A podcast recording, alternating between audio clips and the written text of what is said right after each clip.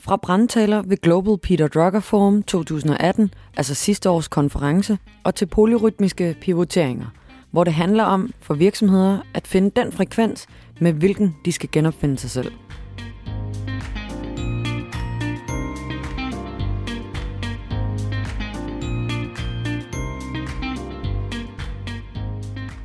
Velkommen til en lidt anderledes episode af Fremtidens Ledelse to Go, en podcast produceret af Blogger Østergaard. Jeg hedder Puk Falkenberg, og i dag vil jeg være din guide. Jeg vil tage dig med på en tur ned i et par gemte lydfiler fra Global Peter Drucker Forum 2018, som ikke før er blevet udgivet. Lydfilerne blev optaget i starten af december 2018 og har siden blot samlet digitalt støv. Det har dog ikke gjort samtalen mindre relevant, og derfor får du en special med refleksioner fra sidste års konference, og som du kan bruge som opvarmning til årets Global Peter Drucker Forum 2019. Først får du lige lidt baggrundsviden for samtalen og konferencen. Global Peter Drucker Forum er en ledelseskonference, der hvert år afholdes i Wien og så at sige hylder Peter Drucker, en verdenskendt managementkonsulent. I år er det 11. konference, der afholdes, og årets tema er The Power of Ecosystems. Sidste år i 2018 var konferencens tema Management, The Human Dimension, hvor der var et ton af brandtaler. Brandtaler er den slags, hvor taleren bliver helt rød i hovedet, sprutter af begejstring og passion, og med et formål om at sprede handling til de, der lytter. Af dem, der holdt brandtalerne, husker jeg især Gary Hamel, Hal Gregerson, Henry Mintzberg og John Hagel. Men også mange pointer fra de andre taler, hvor flere faktisk har været en del af mit pensum på universitetet.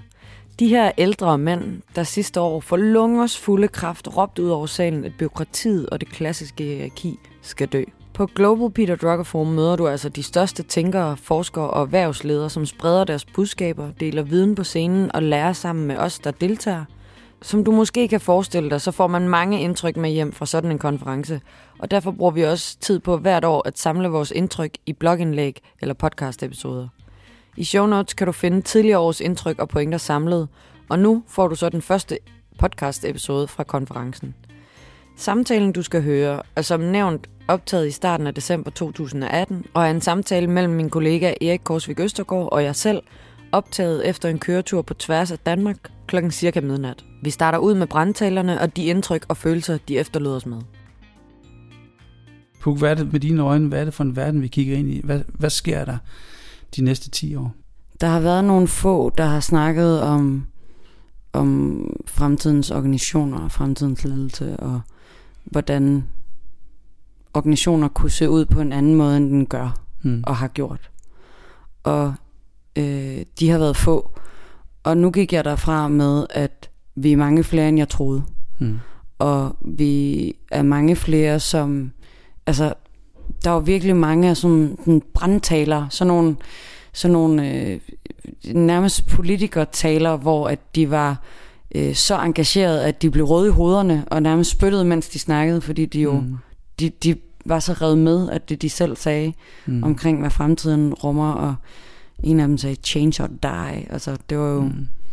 det var ret markante budskaber, så den der følelse af, at vi er endnu flere, der arbejder i den retning, og at der er, virk, der er jo virksomheder med, der har gjort det og gør det.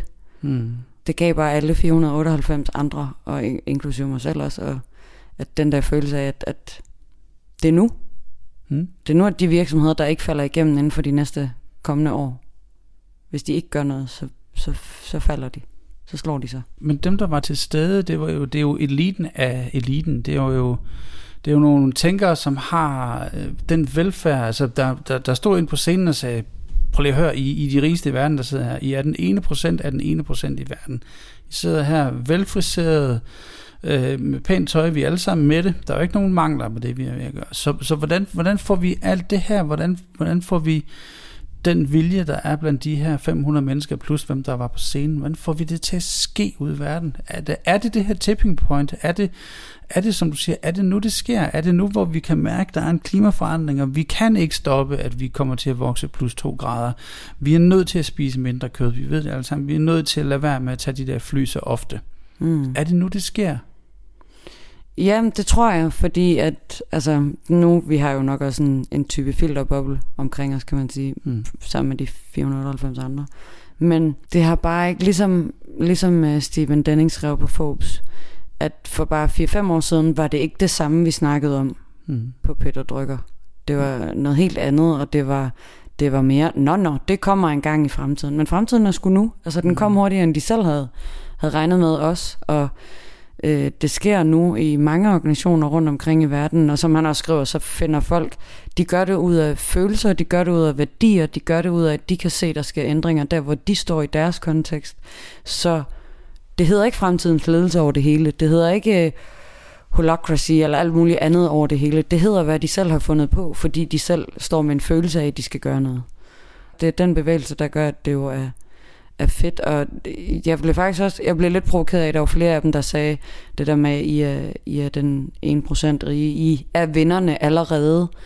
Jeg synes, det på en god måde blev omphraset til, at det lægger et ansvar på, at det er også os, der bliver nødt til at gøre noget. Og der var også, øhm, han? Paul Polman. Polman fra Unilever. Unilever. Ja. ja.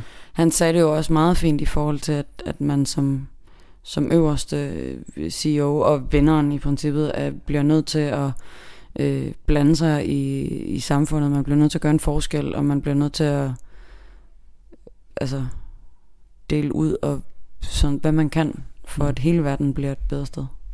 Lige præcis det, du siger der, det, det var også det, som jeg har bidt mest mærke i. Den afsluttende kommentar på sidste års, altså den, den 9.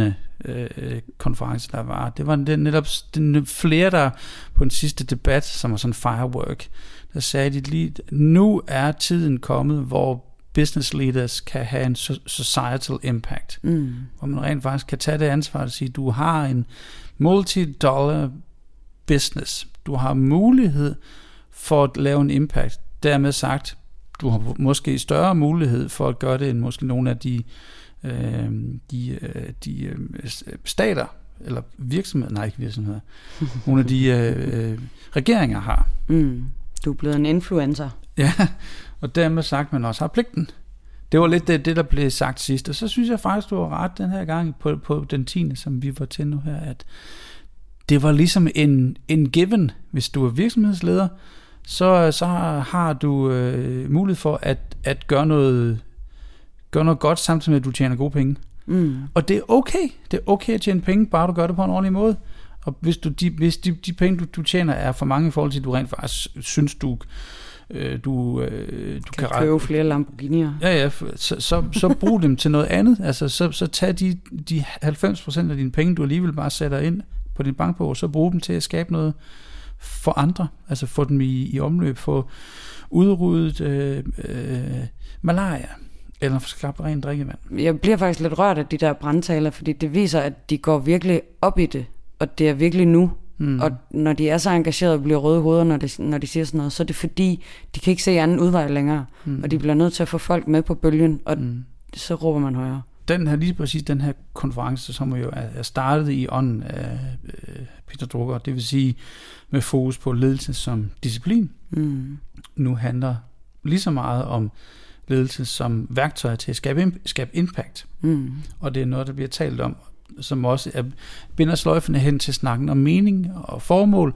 Formål, som så får lidt, lidt bashing i øjeblikket, men det, mm. det blev faktisk nævnt rigtig, rigtig mange gange i samme åndedrag, altså formål og mening og impact bliver, bliver nævnt som, øh, som tri, triumvirat og en forståelse for, hvordan man rent faktisk kan få sin, øh, sin ledelseskommunikation til at være nærværende og få mm. sit engagement til at leve. En af de der mennesker, som holdt de, de der brandtaler, som blev røde hovedet ned på Peter det var Gary Hamel. Ja. Og kæft, hvor gav han den bare slag til byråkrati. Mm. Der er nogle, nogle indlejrede mekanismer, der er nogle byråkratiske øh, processer, som altså reelt har fungeret rigtig fint, og mm. der er jo årsag til, at man bliver ved med at forædle på sådan nogle processer og systemer, det er fordi, de har virket dengang. Mm. Og det er netop nu, man så begynder at skal kunne rive, rive dem i stykker, og så disrupte de der. Altså det, det her, det kan, vi, det kan vi gentænke, det skal vi gentænke, fordi det skal passe ind i noget, som er meget mere humant. Som var det ord, som måske som deskriptivt element blev brugt oftest dernede på Peter mm. Drucker, det var, det var human og humanistisk, altså den måde at, at, at, at tænke people first på. Øh, og det, det, det, altså, at kunne, at kunne bygge virksomheden op fra bunden af på en anden måde, det, det her, det, det, det som igen, som uh, Gary Hamel, han har sådan nogle, nogle fede one-liners, vi han har øvet sig på dem, det er jo, det er jo, det er jo altså man skal på, passe på, at der ikke går Gorbachev i den, som han sagde, Mm. fordi du kan ikke som ene mand forandre det her, det her regime. Mm. Du kan kun gøre det, når det kommer som en, som en bottom-up, som en, en, en masse aktivisme, hvor, Ja. øh, hvor alle medarbejdere siger, nej, nu gør vi det her på en anden måde. Vi skal nok komme i mål, vi skal nok hjælpe vores kunder med deres problemer. Klart skal vi det, for det er også det, er også det altså the business of business is business. The business of business i den her verden er at hjælpe folk videre. Det er Mm. ikke at tjene flere penge til chefen, men det er at hjælpe folk videre. Hvis vi kan gøre det på en måde, som er mindre byråkratisk, så klart, så gør vi det. Ja, selvfølgelig er der også noget compliance. Ja, selvfølgelig er der nogle regler, vi skal overholde. Men der er jo nogle int- interne ting, som vi kan og skal redefinere, og det er vi nødt til at tage, tage nogle opgør med for at gøre det her. Og det var en af de ting, som jeg også kom med derfra. Det var også en brandtal for at sige, at vi er nødt til at uh, Ja. tænke beyond budgeting. Som du nok kan høre, så var vi blevet ramt af brandtalerne med en følelse af, at bevægelsen mod noget andet end det, vi kender, er større, end vi troede, og der er en større villighed til at komme i gang. Pointen om, hvordan vi gentænker organisationer og virksomheder, kommer vi tilbage til senere. Først skal vi lige have nogle refleksioner om statisk stabilitet versus dynamisk stabilitet. For hvad er det, der skal til, for at vi kan gentænke organisationer? Hvilket mindset bør vi have, og hvordan skaber vi den slags forandring? Det statement, som jeg havde hævet mest fast i, og jeg måske skal lave en t-shirt på, det er, at best practice is not the best right now. Så Mm. de, de gamle dyder er, er, er ikke gode nok Mm-mm. til det, vi har behov for de næste måske bare 10 år. Mm-mm. Nej, det tror jeg heller ikke. Du bliver nødt til at have en agilitet for at kunne forandre dig til det, der er behov for. Mm. Så det betyder jo allerede, at du bliver nødt til at have et opgør først med det, du, det, du sidder fast i, for at kunne finde en Mm. måde, hvor du kan forandre dig på til noget nyt stabilt. Ja. Og hvordan det stabile ser ud, det ved jeg ikke, men når du så har fundet evnen til at være agil og til at kunne forandre dig, så skal mm. du Mm. i hvert fald holde fast i det. For det er sikkert ikke sidste gang, vi skal lave noget om. Nej, helt, helt sikkert. Og det, det der med at skabe en dynamisk stabilitet, altså noget, Mm. mm. noget som er stabilt, fordi det forandrer sig. Ja, der var en, der sagde, stability through change, change through stability. Mm. Det hænger jo sammen, altså. Ja.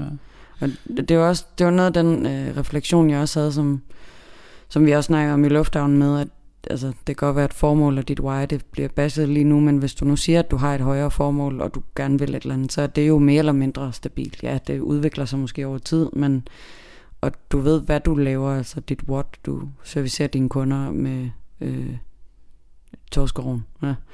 Øh, og, og du ved nogenlunde, hvem I er, hvad værdier I har, fordi det er I som organisation, I er, har Inger, Yrsa og Åse ansat, eller et eller andet i den stil, men det er jo det hav, hvordan vi gør tingene, der ændrer sig. Fra vi havde en fysisk butik, til vi har en webshop, til vi har noget andet, øh, til vi har et hologram, der kommer og serverer torskeroven, hvad ved jeg. Det er jo det, der ændrer sig, og det er jo der, man også skal være dynamisk til at kunne forandre sit hav, Mm. når hav skal forandres. Mm. Og, og, øh, fedt. Og, og jeg, det er også det, der gør, at, at netop at fokusere på, øh, på de to grene, som vi måske tungt står på i øjeblikket, det er, det er ledelse og forandringsledelse, Mm. som et sammensurium. Fordi den, den, den, den ledelsesstil, som har størst re- relevans i øjeblikket, er også den, som er dialogsøgende og forandrende Mm. Og udviklende, måske nærmere end, end forandrende, Mm. eller bevægende øh, i konstant flux. Ja. Jeg tror, det er den, som, som vi kommer til at se mere og mere af. Det, er- det er nogen, som det er, det er en, en organisations- og ledelsesstil, som er, hvor hyppigere forandringer vil være noget, man vil tage imod med kysshånd, fordi du er, og du er op i gear, du er op, op på tæerne. Ja. Så du er ikke, du er ikke først skal fra hælen op på tæerne, men du er, i, du er ligesom op på tæerne i, i, i formålet. Jeg, jeg tror også, det, det på lidt længere sigt måske vil, vil være noget, som vil være imødekommet på børserne også. Du vil simpelthen se en, altså virksomheder, som med vilje, om ikke genopfinder sig selv hele tiden, men i hvert fald lave konstant forandringer mm. hele tiden, det vil blive kvitteret for på børskursen. Lige nu eksisterer der alle mulige mærkelige afdelinger af change-afskygninger, men det kunne da være det aller, aller fedeste, hvis de afdelinger en dag gjorde sig selv arbejdsløse, fordi organisationen som organisation havde opnået evnen til at forandre sig, mm. uden der sad øh, fem og tegnede øh, en change-kurve og sagde bla bla bla, fordi Mm. alle, hele organisationen kan det. Det er, en, det er en evne, både organisatorisk og individet, vi har. mm. øh, til at kunne gøre det. Så vi netop, når du siger, at vi skal lave hyppige forandringer, det kvitteres med på børsen, fordi vi har opnået den evne mm. til at gøre det, uden at der er behov for at være nogen, der manager den forandring, man skal igennem. For man kan det. Det bliver en fast del af det, man gør. Der er en grund til, at Scrum Alliance også åbnede, de åbnede faktisk i år, og sidste år også øh, øh, Peter Drucker dernede.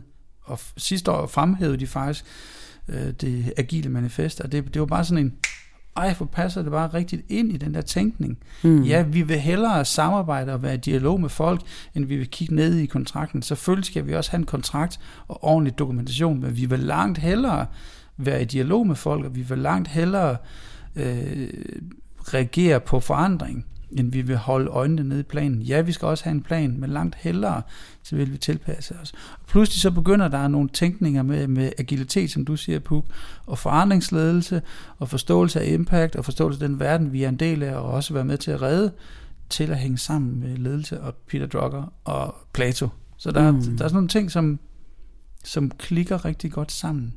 Og jeg kom også derfra med sådan en, en fornemmelse af at sige, mm, ja, yeah, yes, nu, nu rykker det. Nu er, nu, nu, nu fjederen ved at være spændt rigtig mange steder.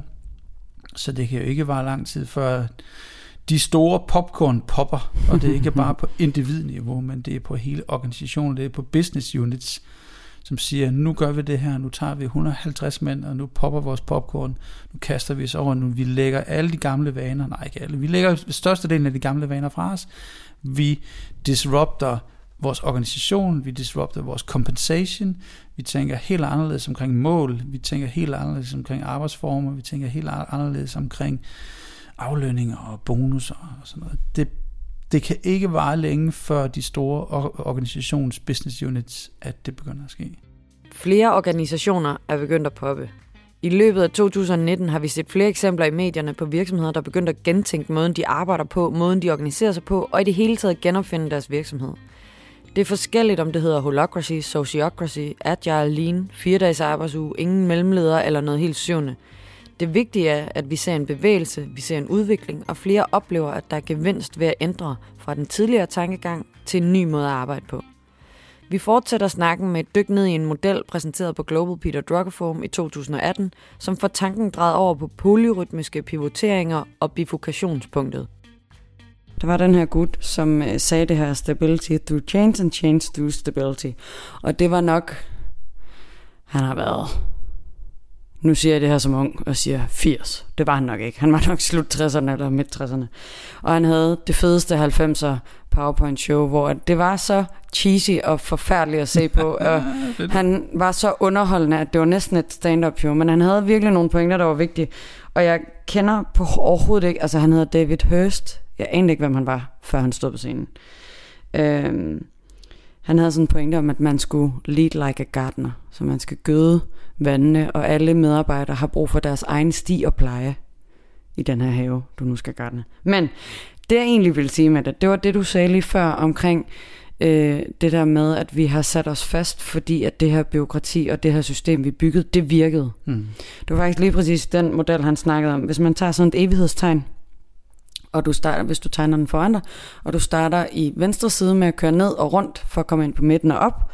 Så hele den rejse, det tegnede han som en, øh, en øh, udfyldt linje, som går ned fra starten, hvor at du starter en virksomhed, fordi du har en passion.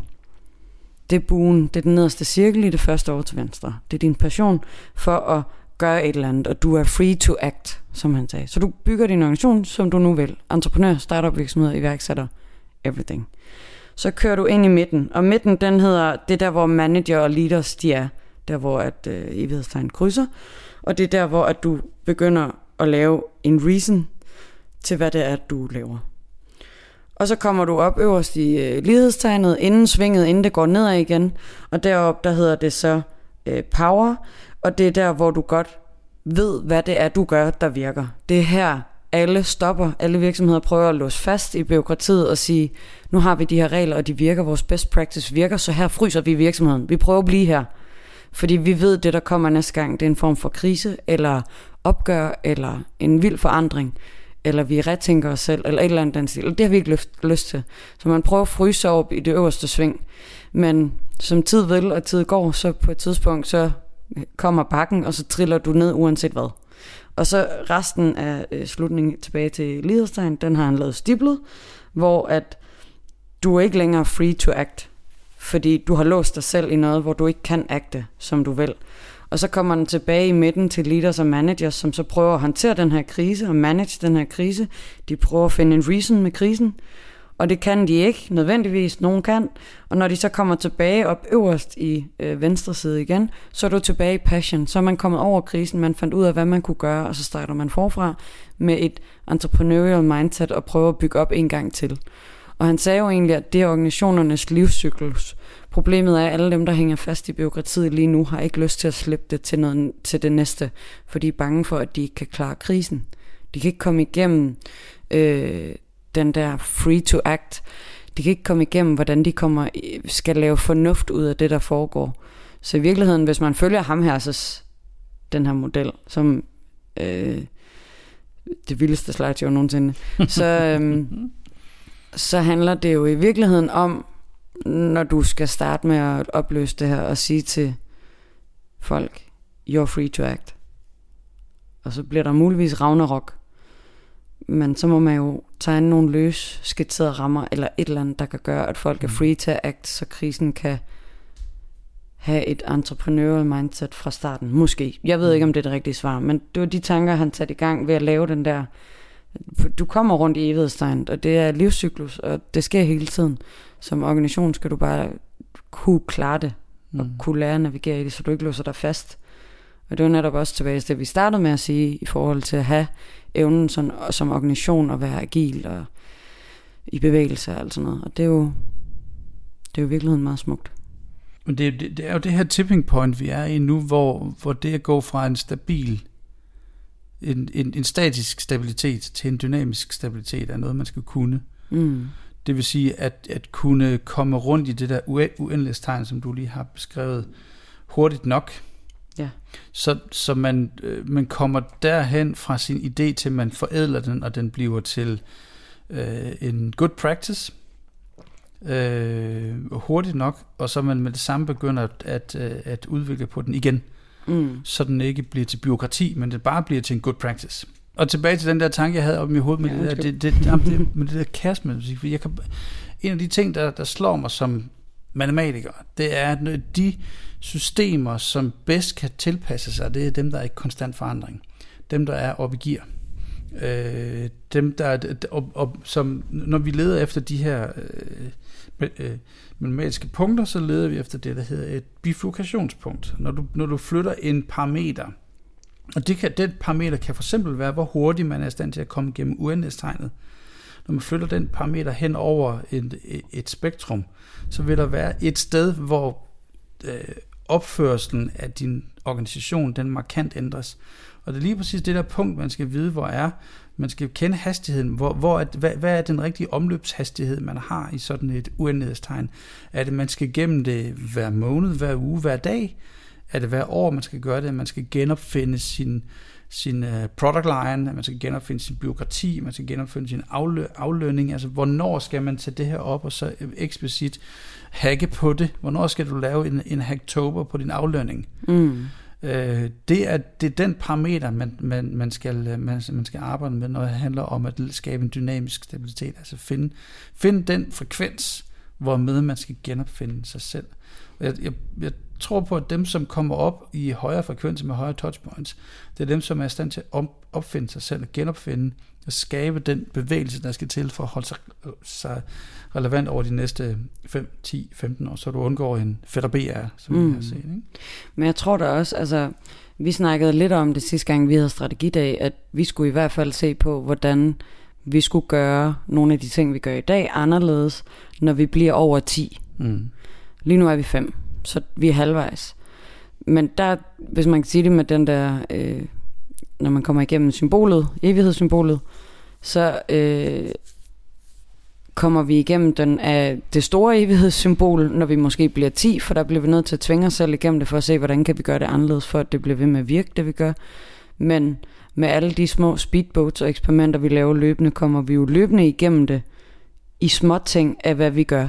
Så hvis vi laver en speedboat på et element af det, vi gør, øh, løbende hele tiden, så vi har en høj hastighed på enkelte elementer af organisationen, vi hele tiden tester af, men så måske afhængig af den næste milepæl for os, kunne det være netop når vi bliver 10, så bliver vi nødt til at køre det hele igennem, mm. for at tjekke, hænger det hele stadig sammen, er der noget, vi skal gøre anderledes, hvad gør vi for, at vi kan være 10 ja.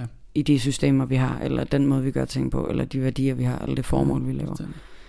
Og, det, og det, lige præcis, og, og, og, og så kan det være, at en af de parametre, man så skal finde, hvis det ikke er hastigheden, hvorved man løber rundt omkring uendelighedstegnet, så kan det være størrelsen på din virksomhed, mm. som så er den parameter, som siger, nu er tiden kommet til der, hvor vores organisation, den skifter stadie.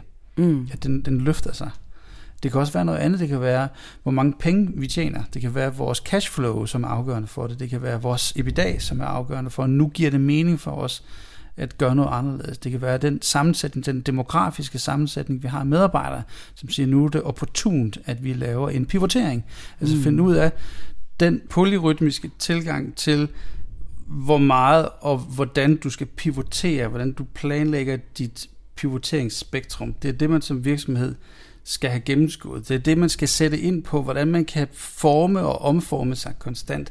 Og jeg tror lige præcis alt det, vi snakkede om ned til, til, til Peter Drucker, det har bare ramt hovedet på sømmet i forhold til den energi, den vilje, den, øh, den, øh, den, øh, det der burst af, kom nu, det er nu, det sker. Det, det, det, har, det har været en manifestation af, at det vi kæmper for, for Future of Work, at det er det rigtige. Og som du sagde før, Puk, vi er ikke alene om det det er inden for de næste fem år, at de her store popcorn, de popper. Så selvom vi ingen løsning kan præsentere i denne episode, så håber vi, at samtalen har sat dine tanker i gang. I hvert fald kan du tage med, at et, Der er en bevægelse i gang, som fordrer os til at gentænke måden, vi organiserer os på. Biokrati og det klassiske hierarki er ikke længere godt nok. 2. Det handler om at finde det stabile midt i en foranderlig verden. At gå fra statisk stabilitet til dynamisk stabilitet. 3. Vi er kommet til det punkt, hvor vi skal genopfinde os selv, og samtidig holde øje med næste gang, vi skal genopfinde os selv. Er det, når markedet ændrer sig? Er det, når vi bliver 15, 50 eller 100 medarbejdere? Eller måske på et helt andet tidspunkt? I år handler Global Peter Drucker Forum om ecosystems. The Power of Ecosystems. Og vi glæder os meget til igen at deltage og få indtryk med hjem. Konferencen afholdes den 21. til 22. november 2009 så hvis du hører det her inden konferencen, og du selv skal deltage, så skriv lige til os. Lad os mødes og dele inspiration og tanker fra konferencen. Og har du ikke mulighed for fysisk at deltage i Wien, så kan du købe streamingbillet og alligevel deltage. Eller du kan følge hashtagget GPDF, altså Global Peter Drucker Forum, på Twitter og Instagram, hvor mange deler inspiration løbende. Tak fordi du lyttede med til en lidt anderledes episode af Fremtidens Ledelse to Go.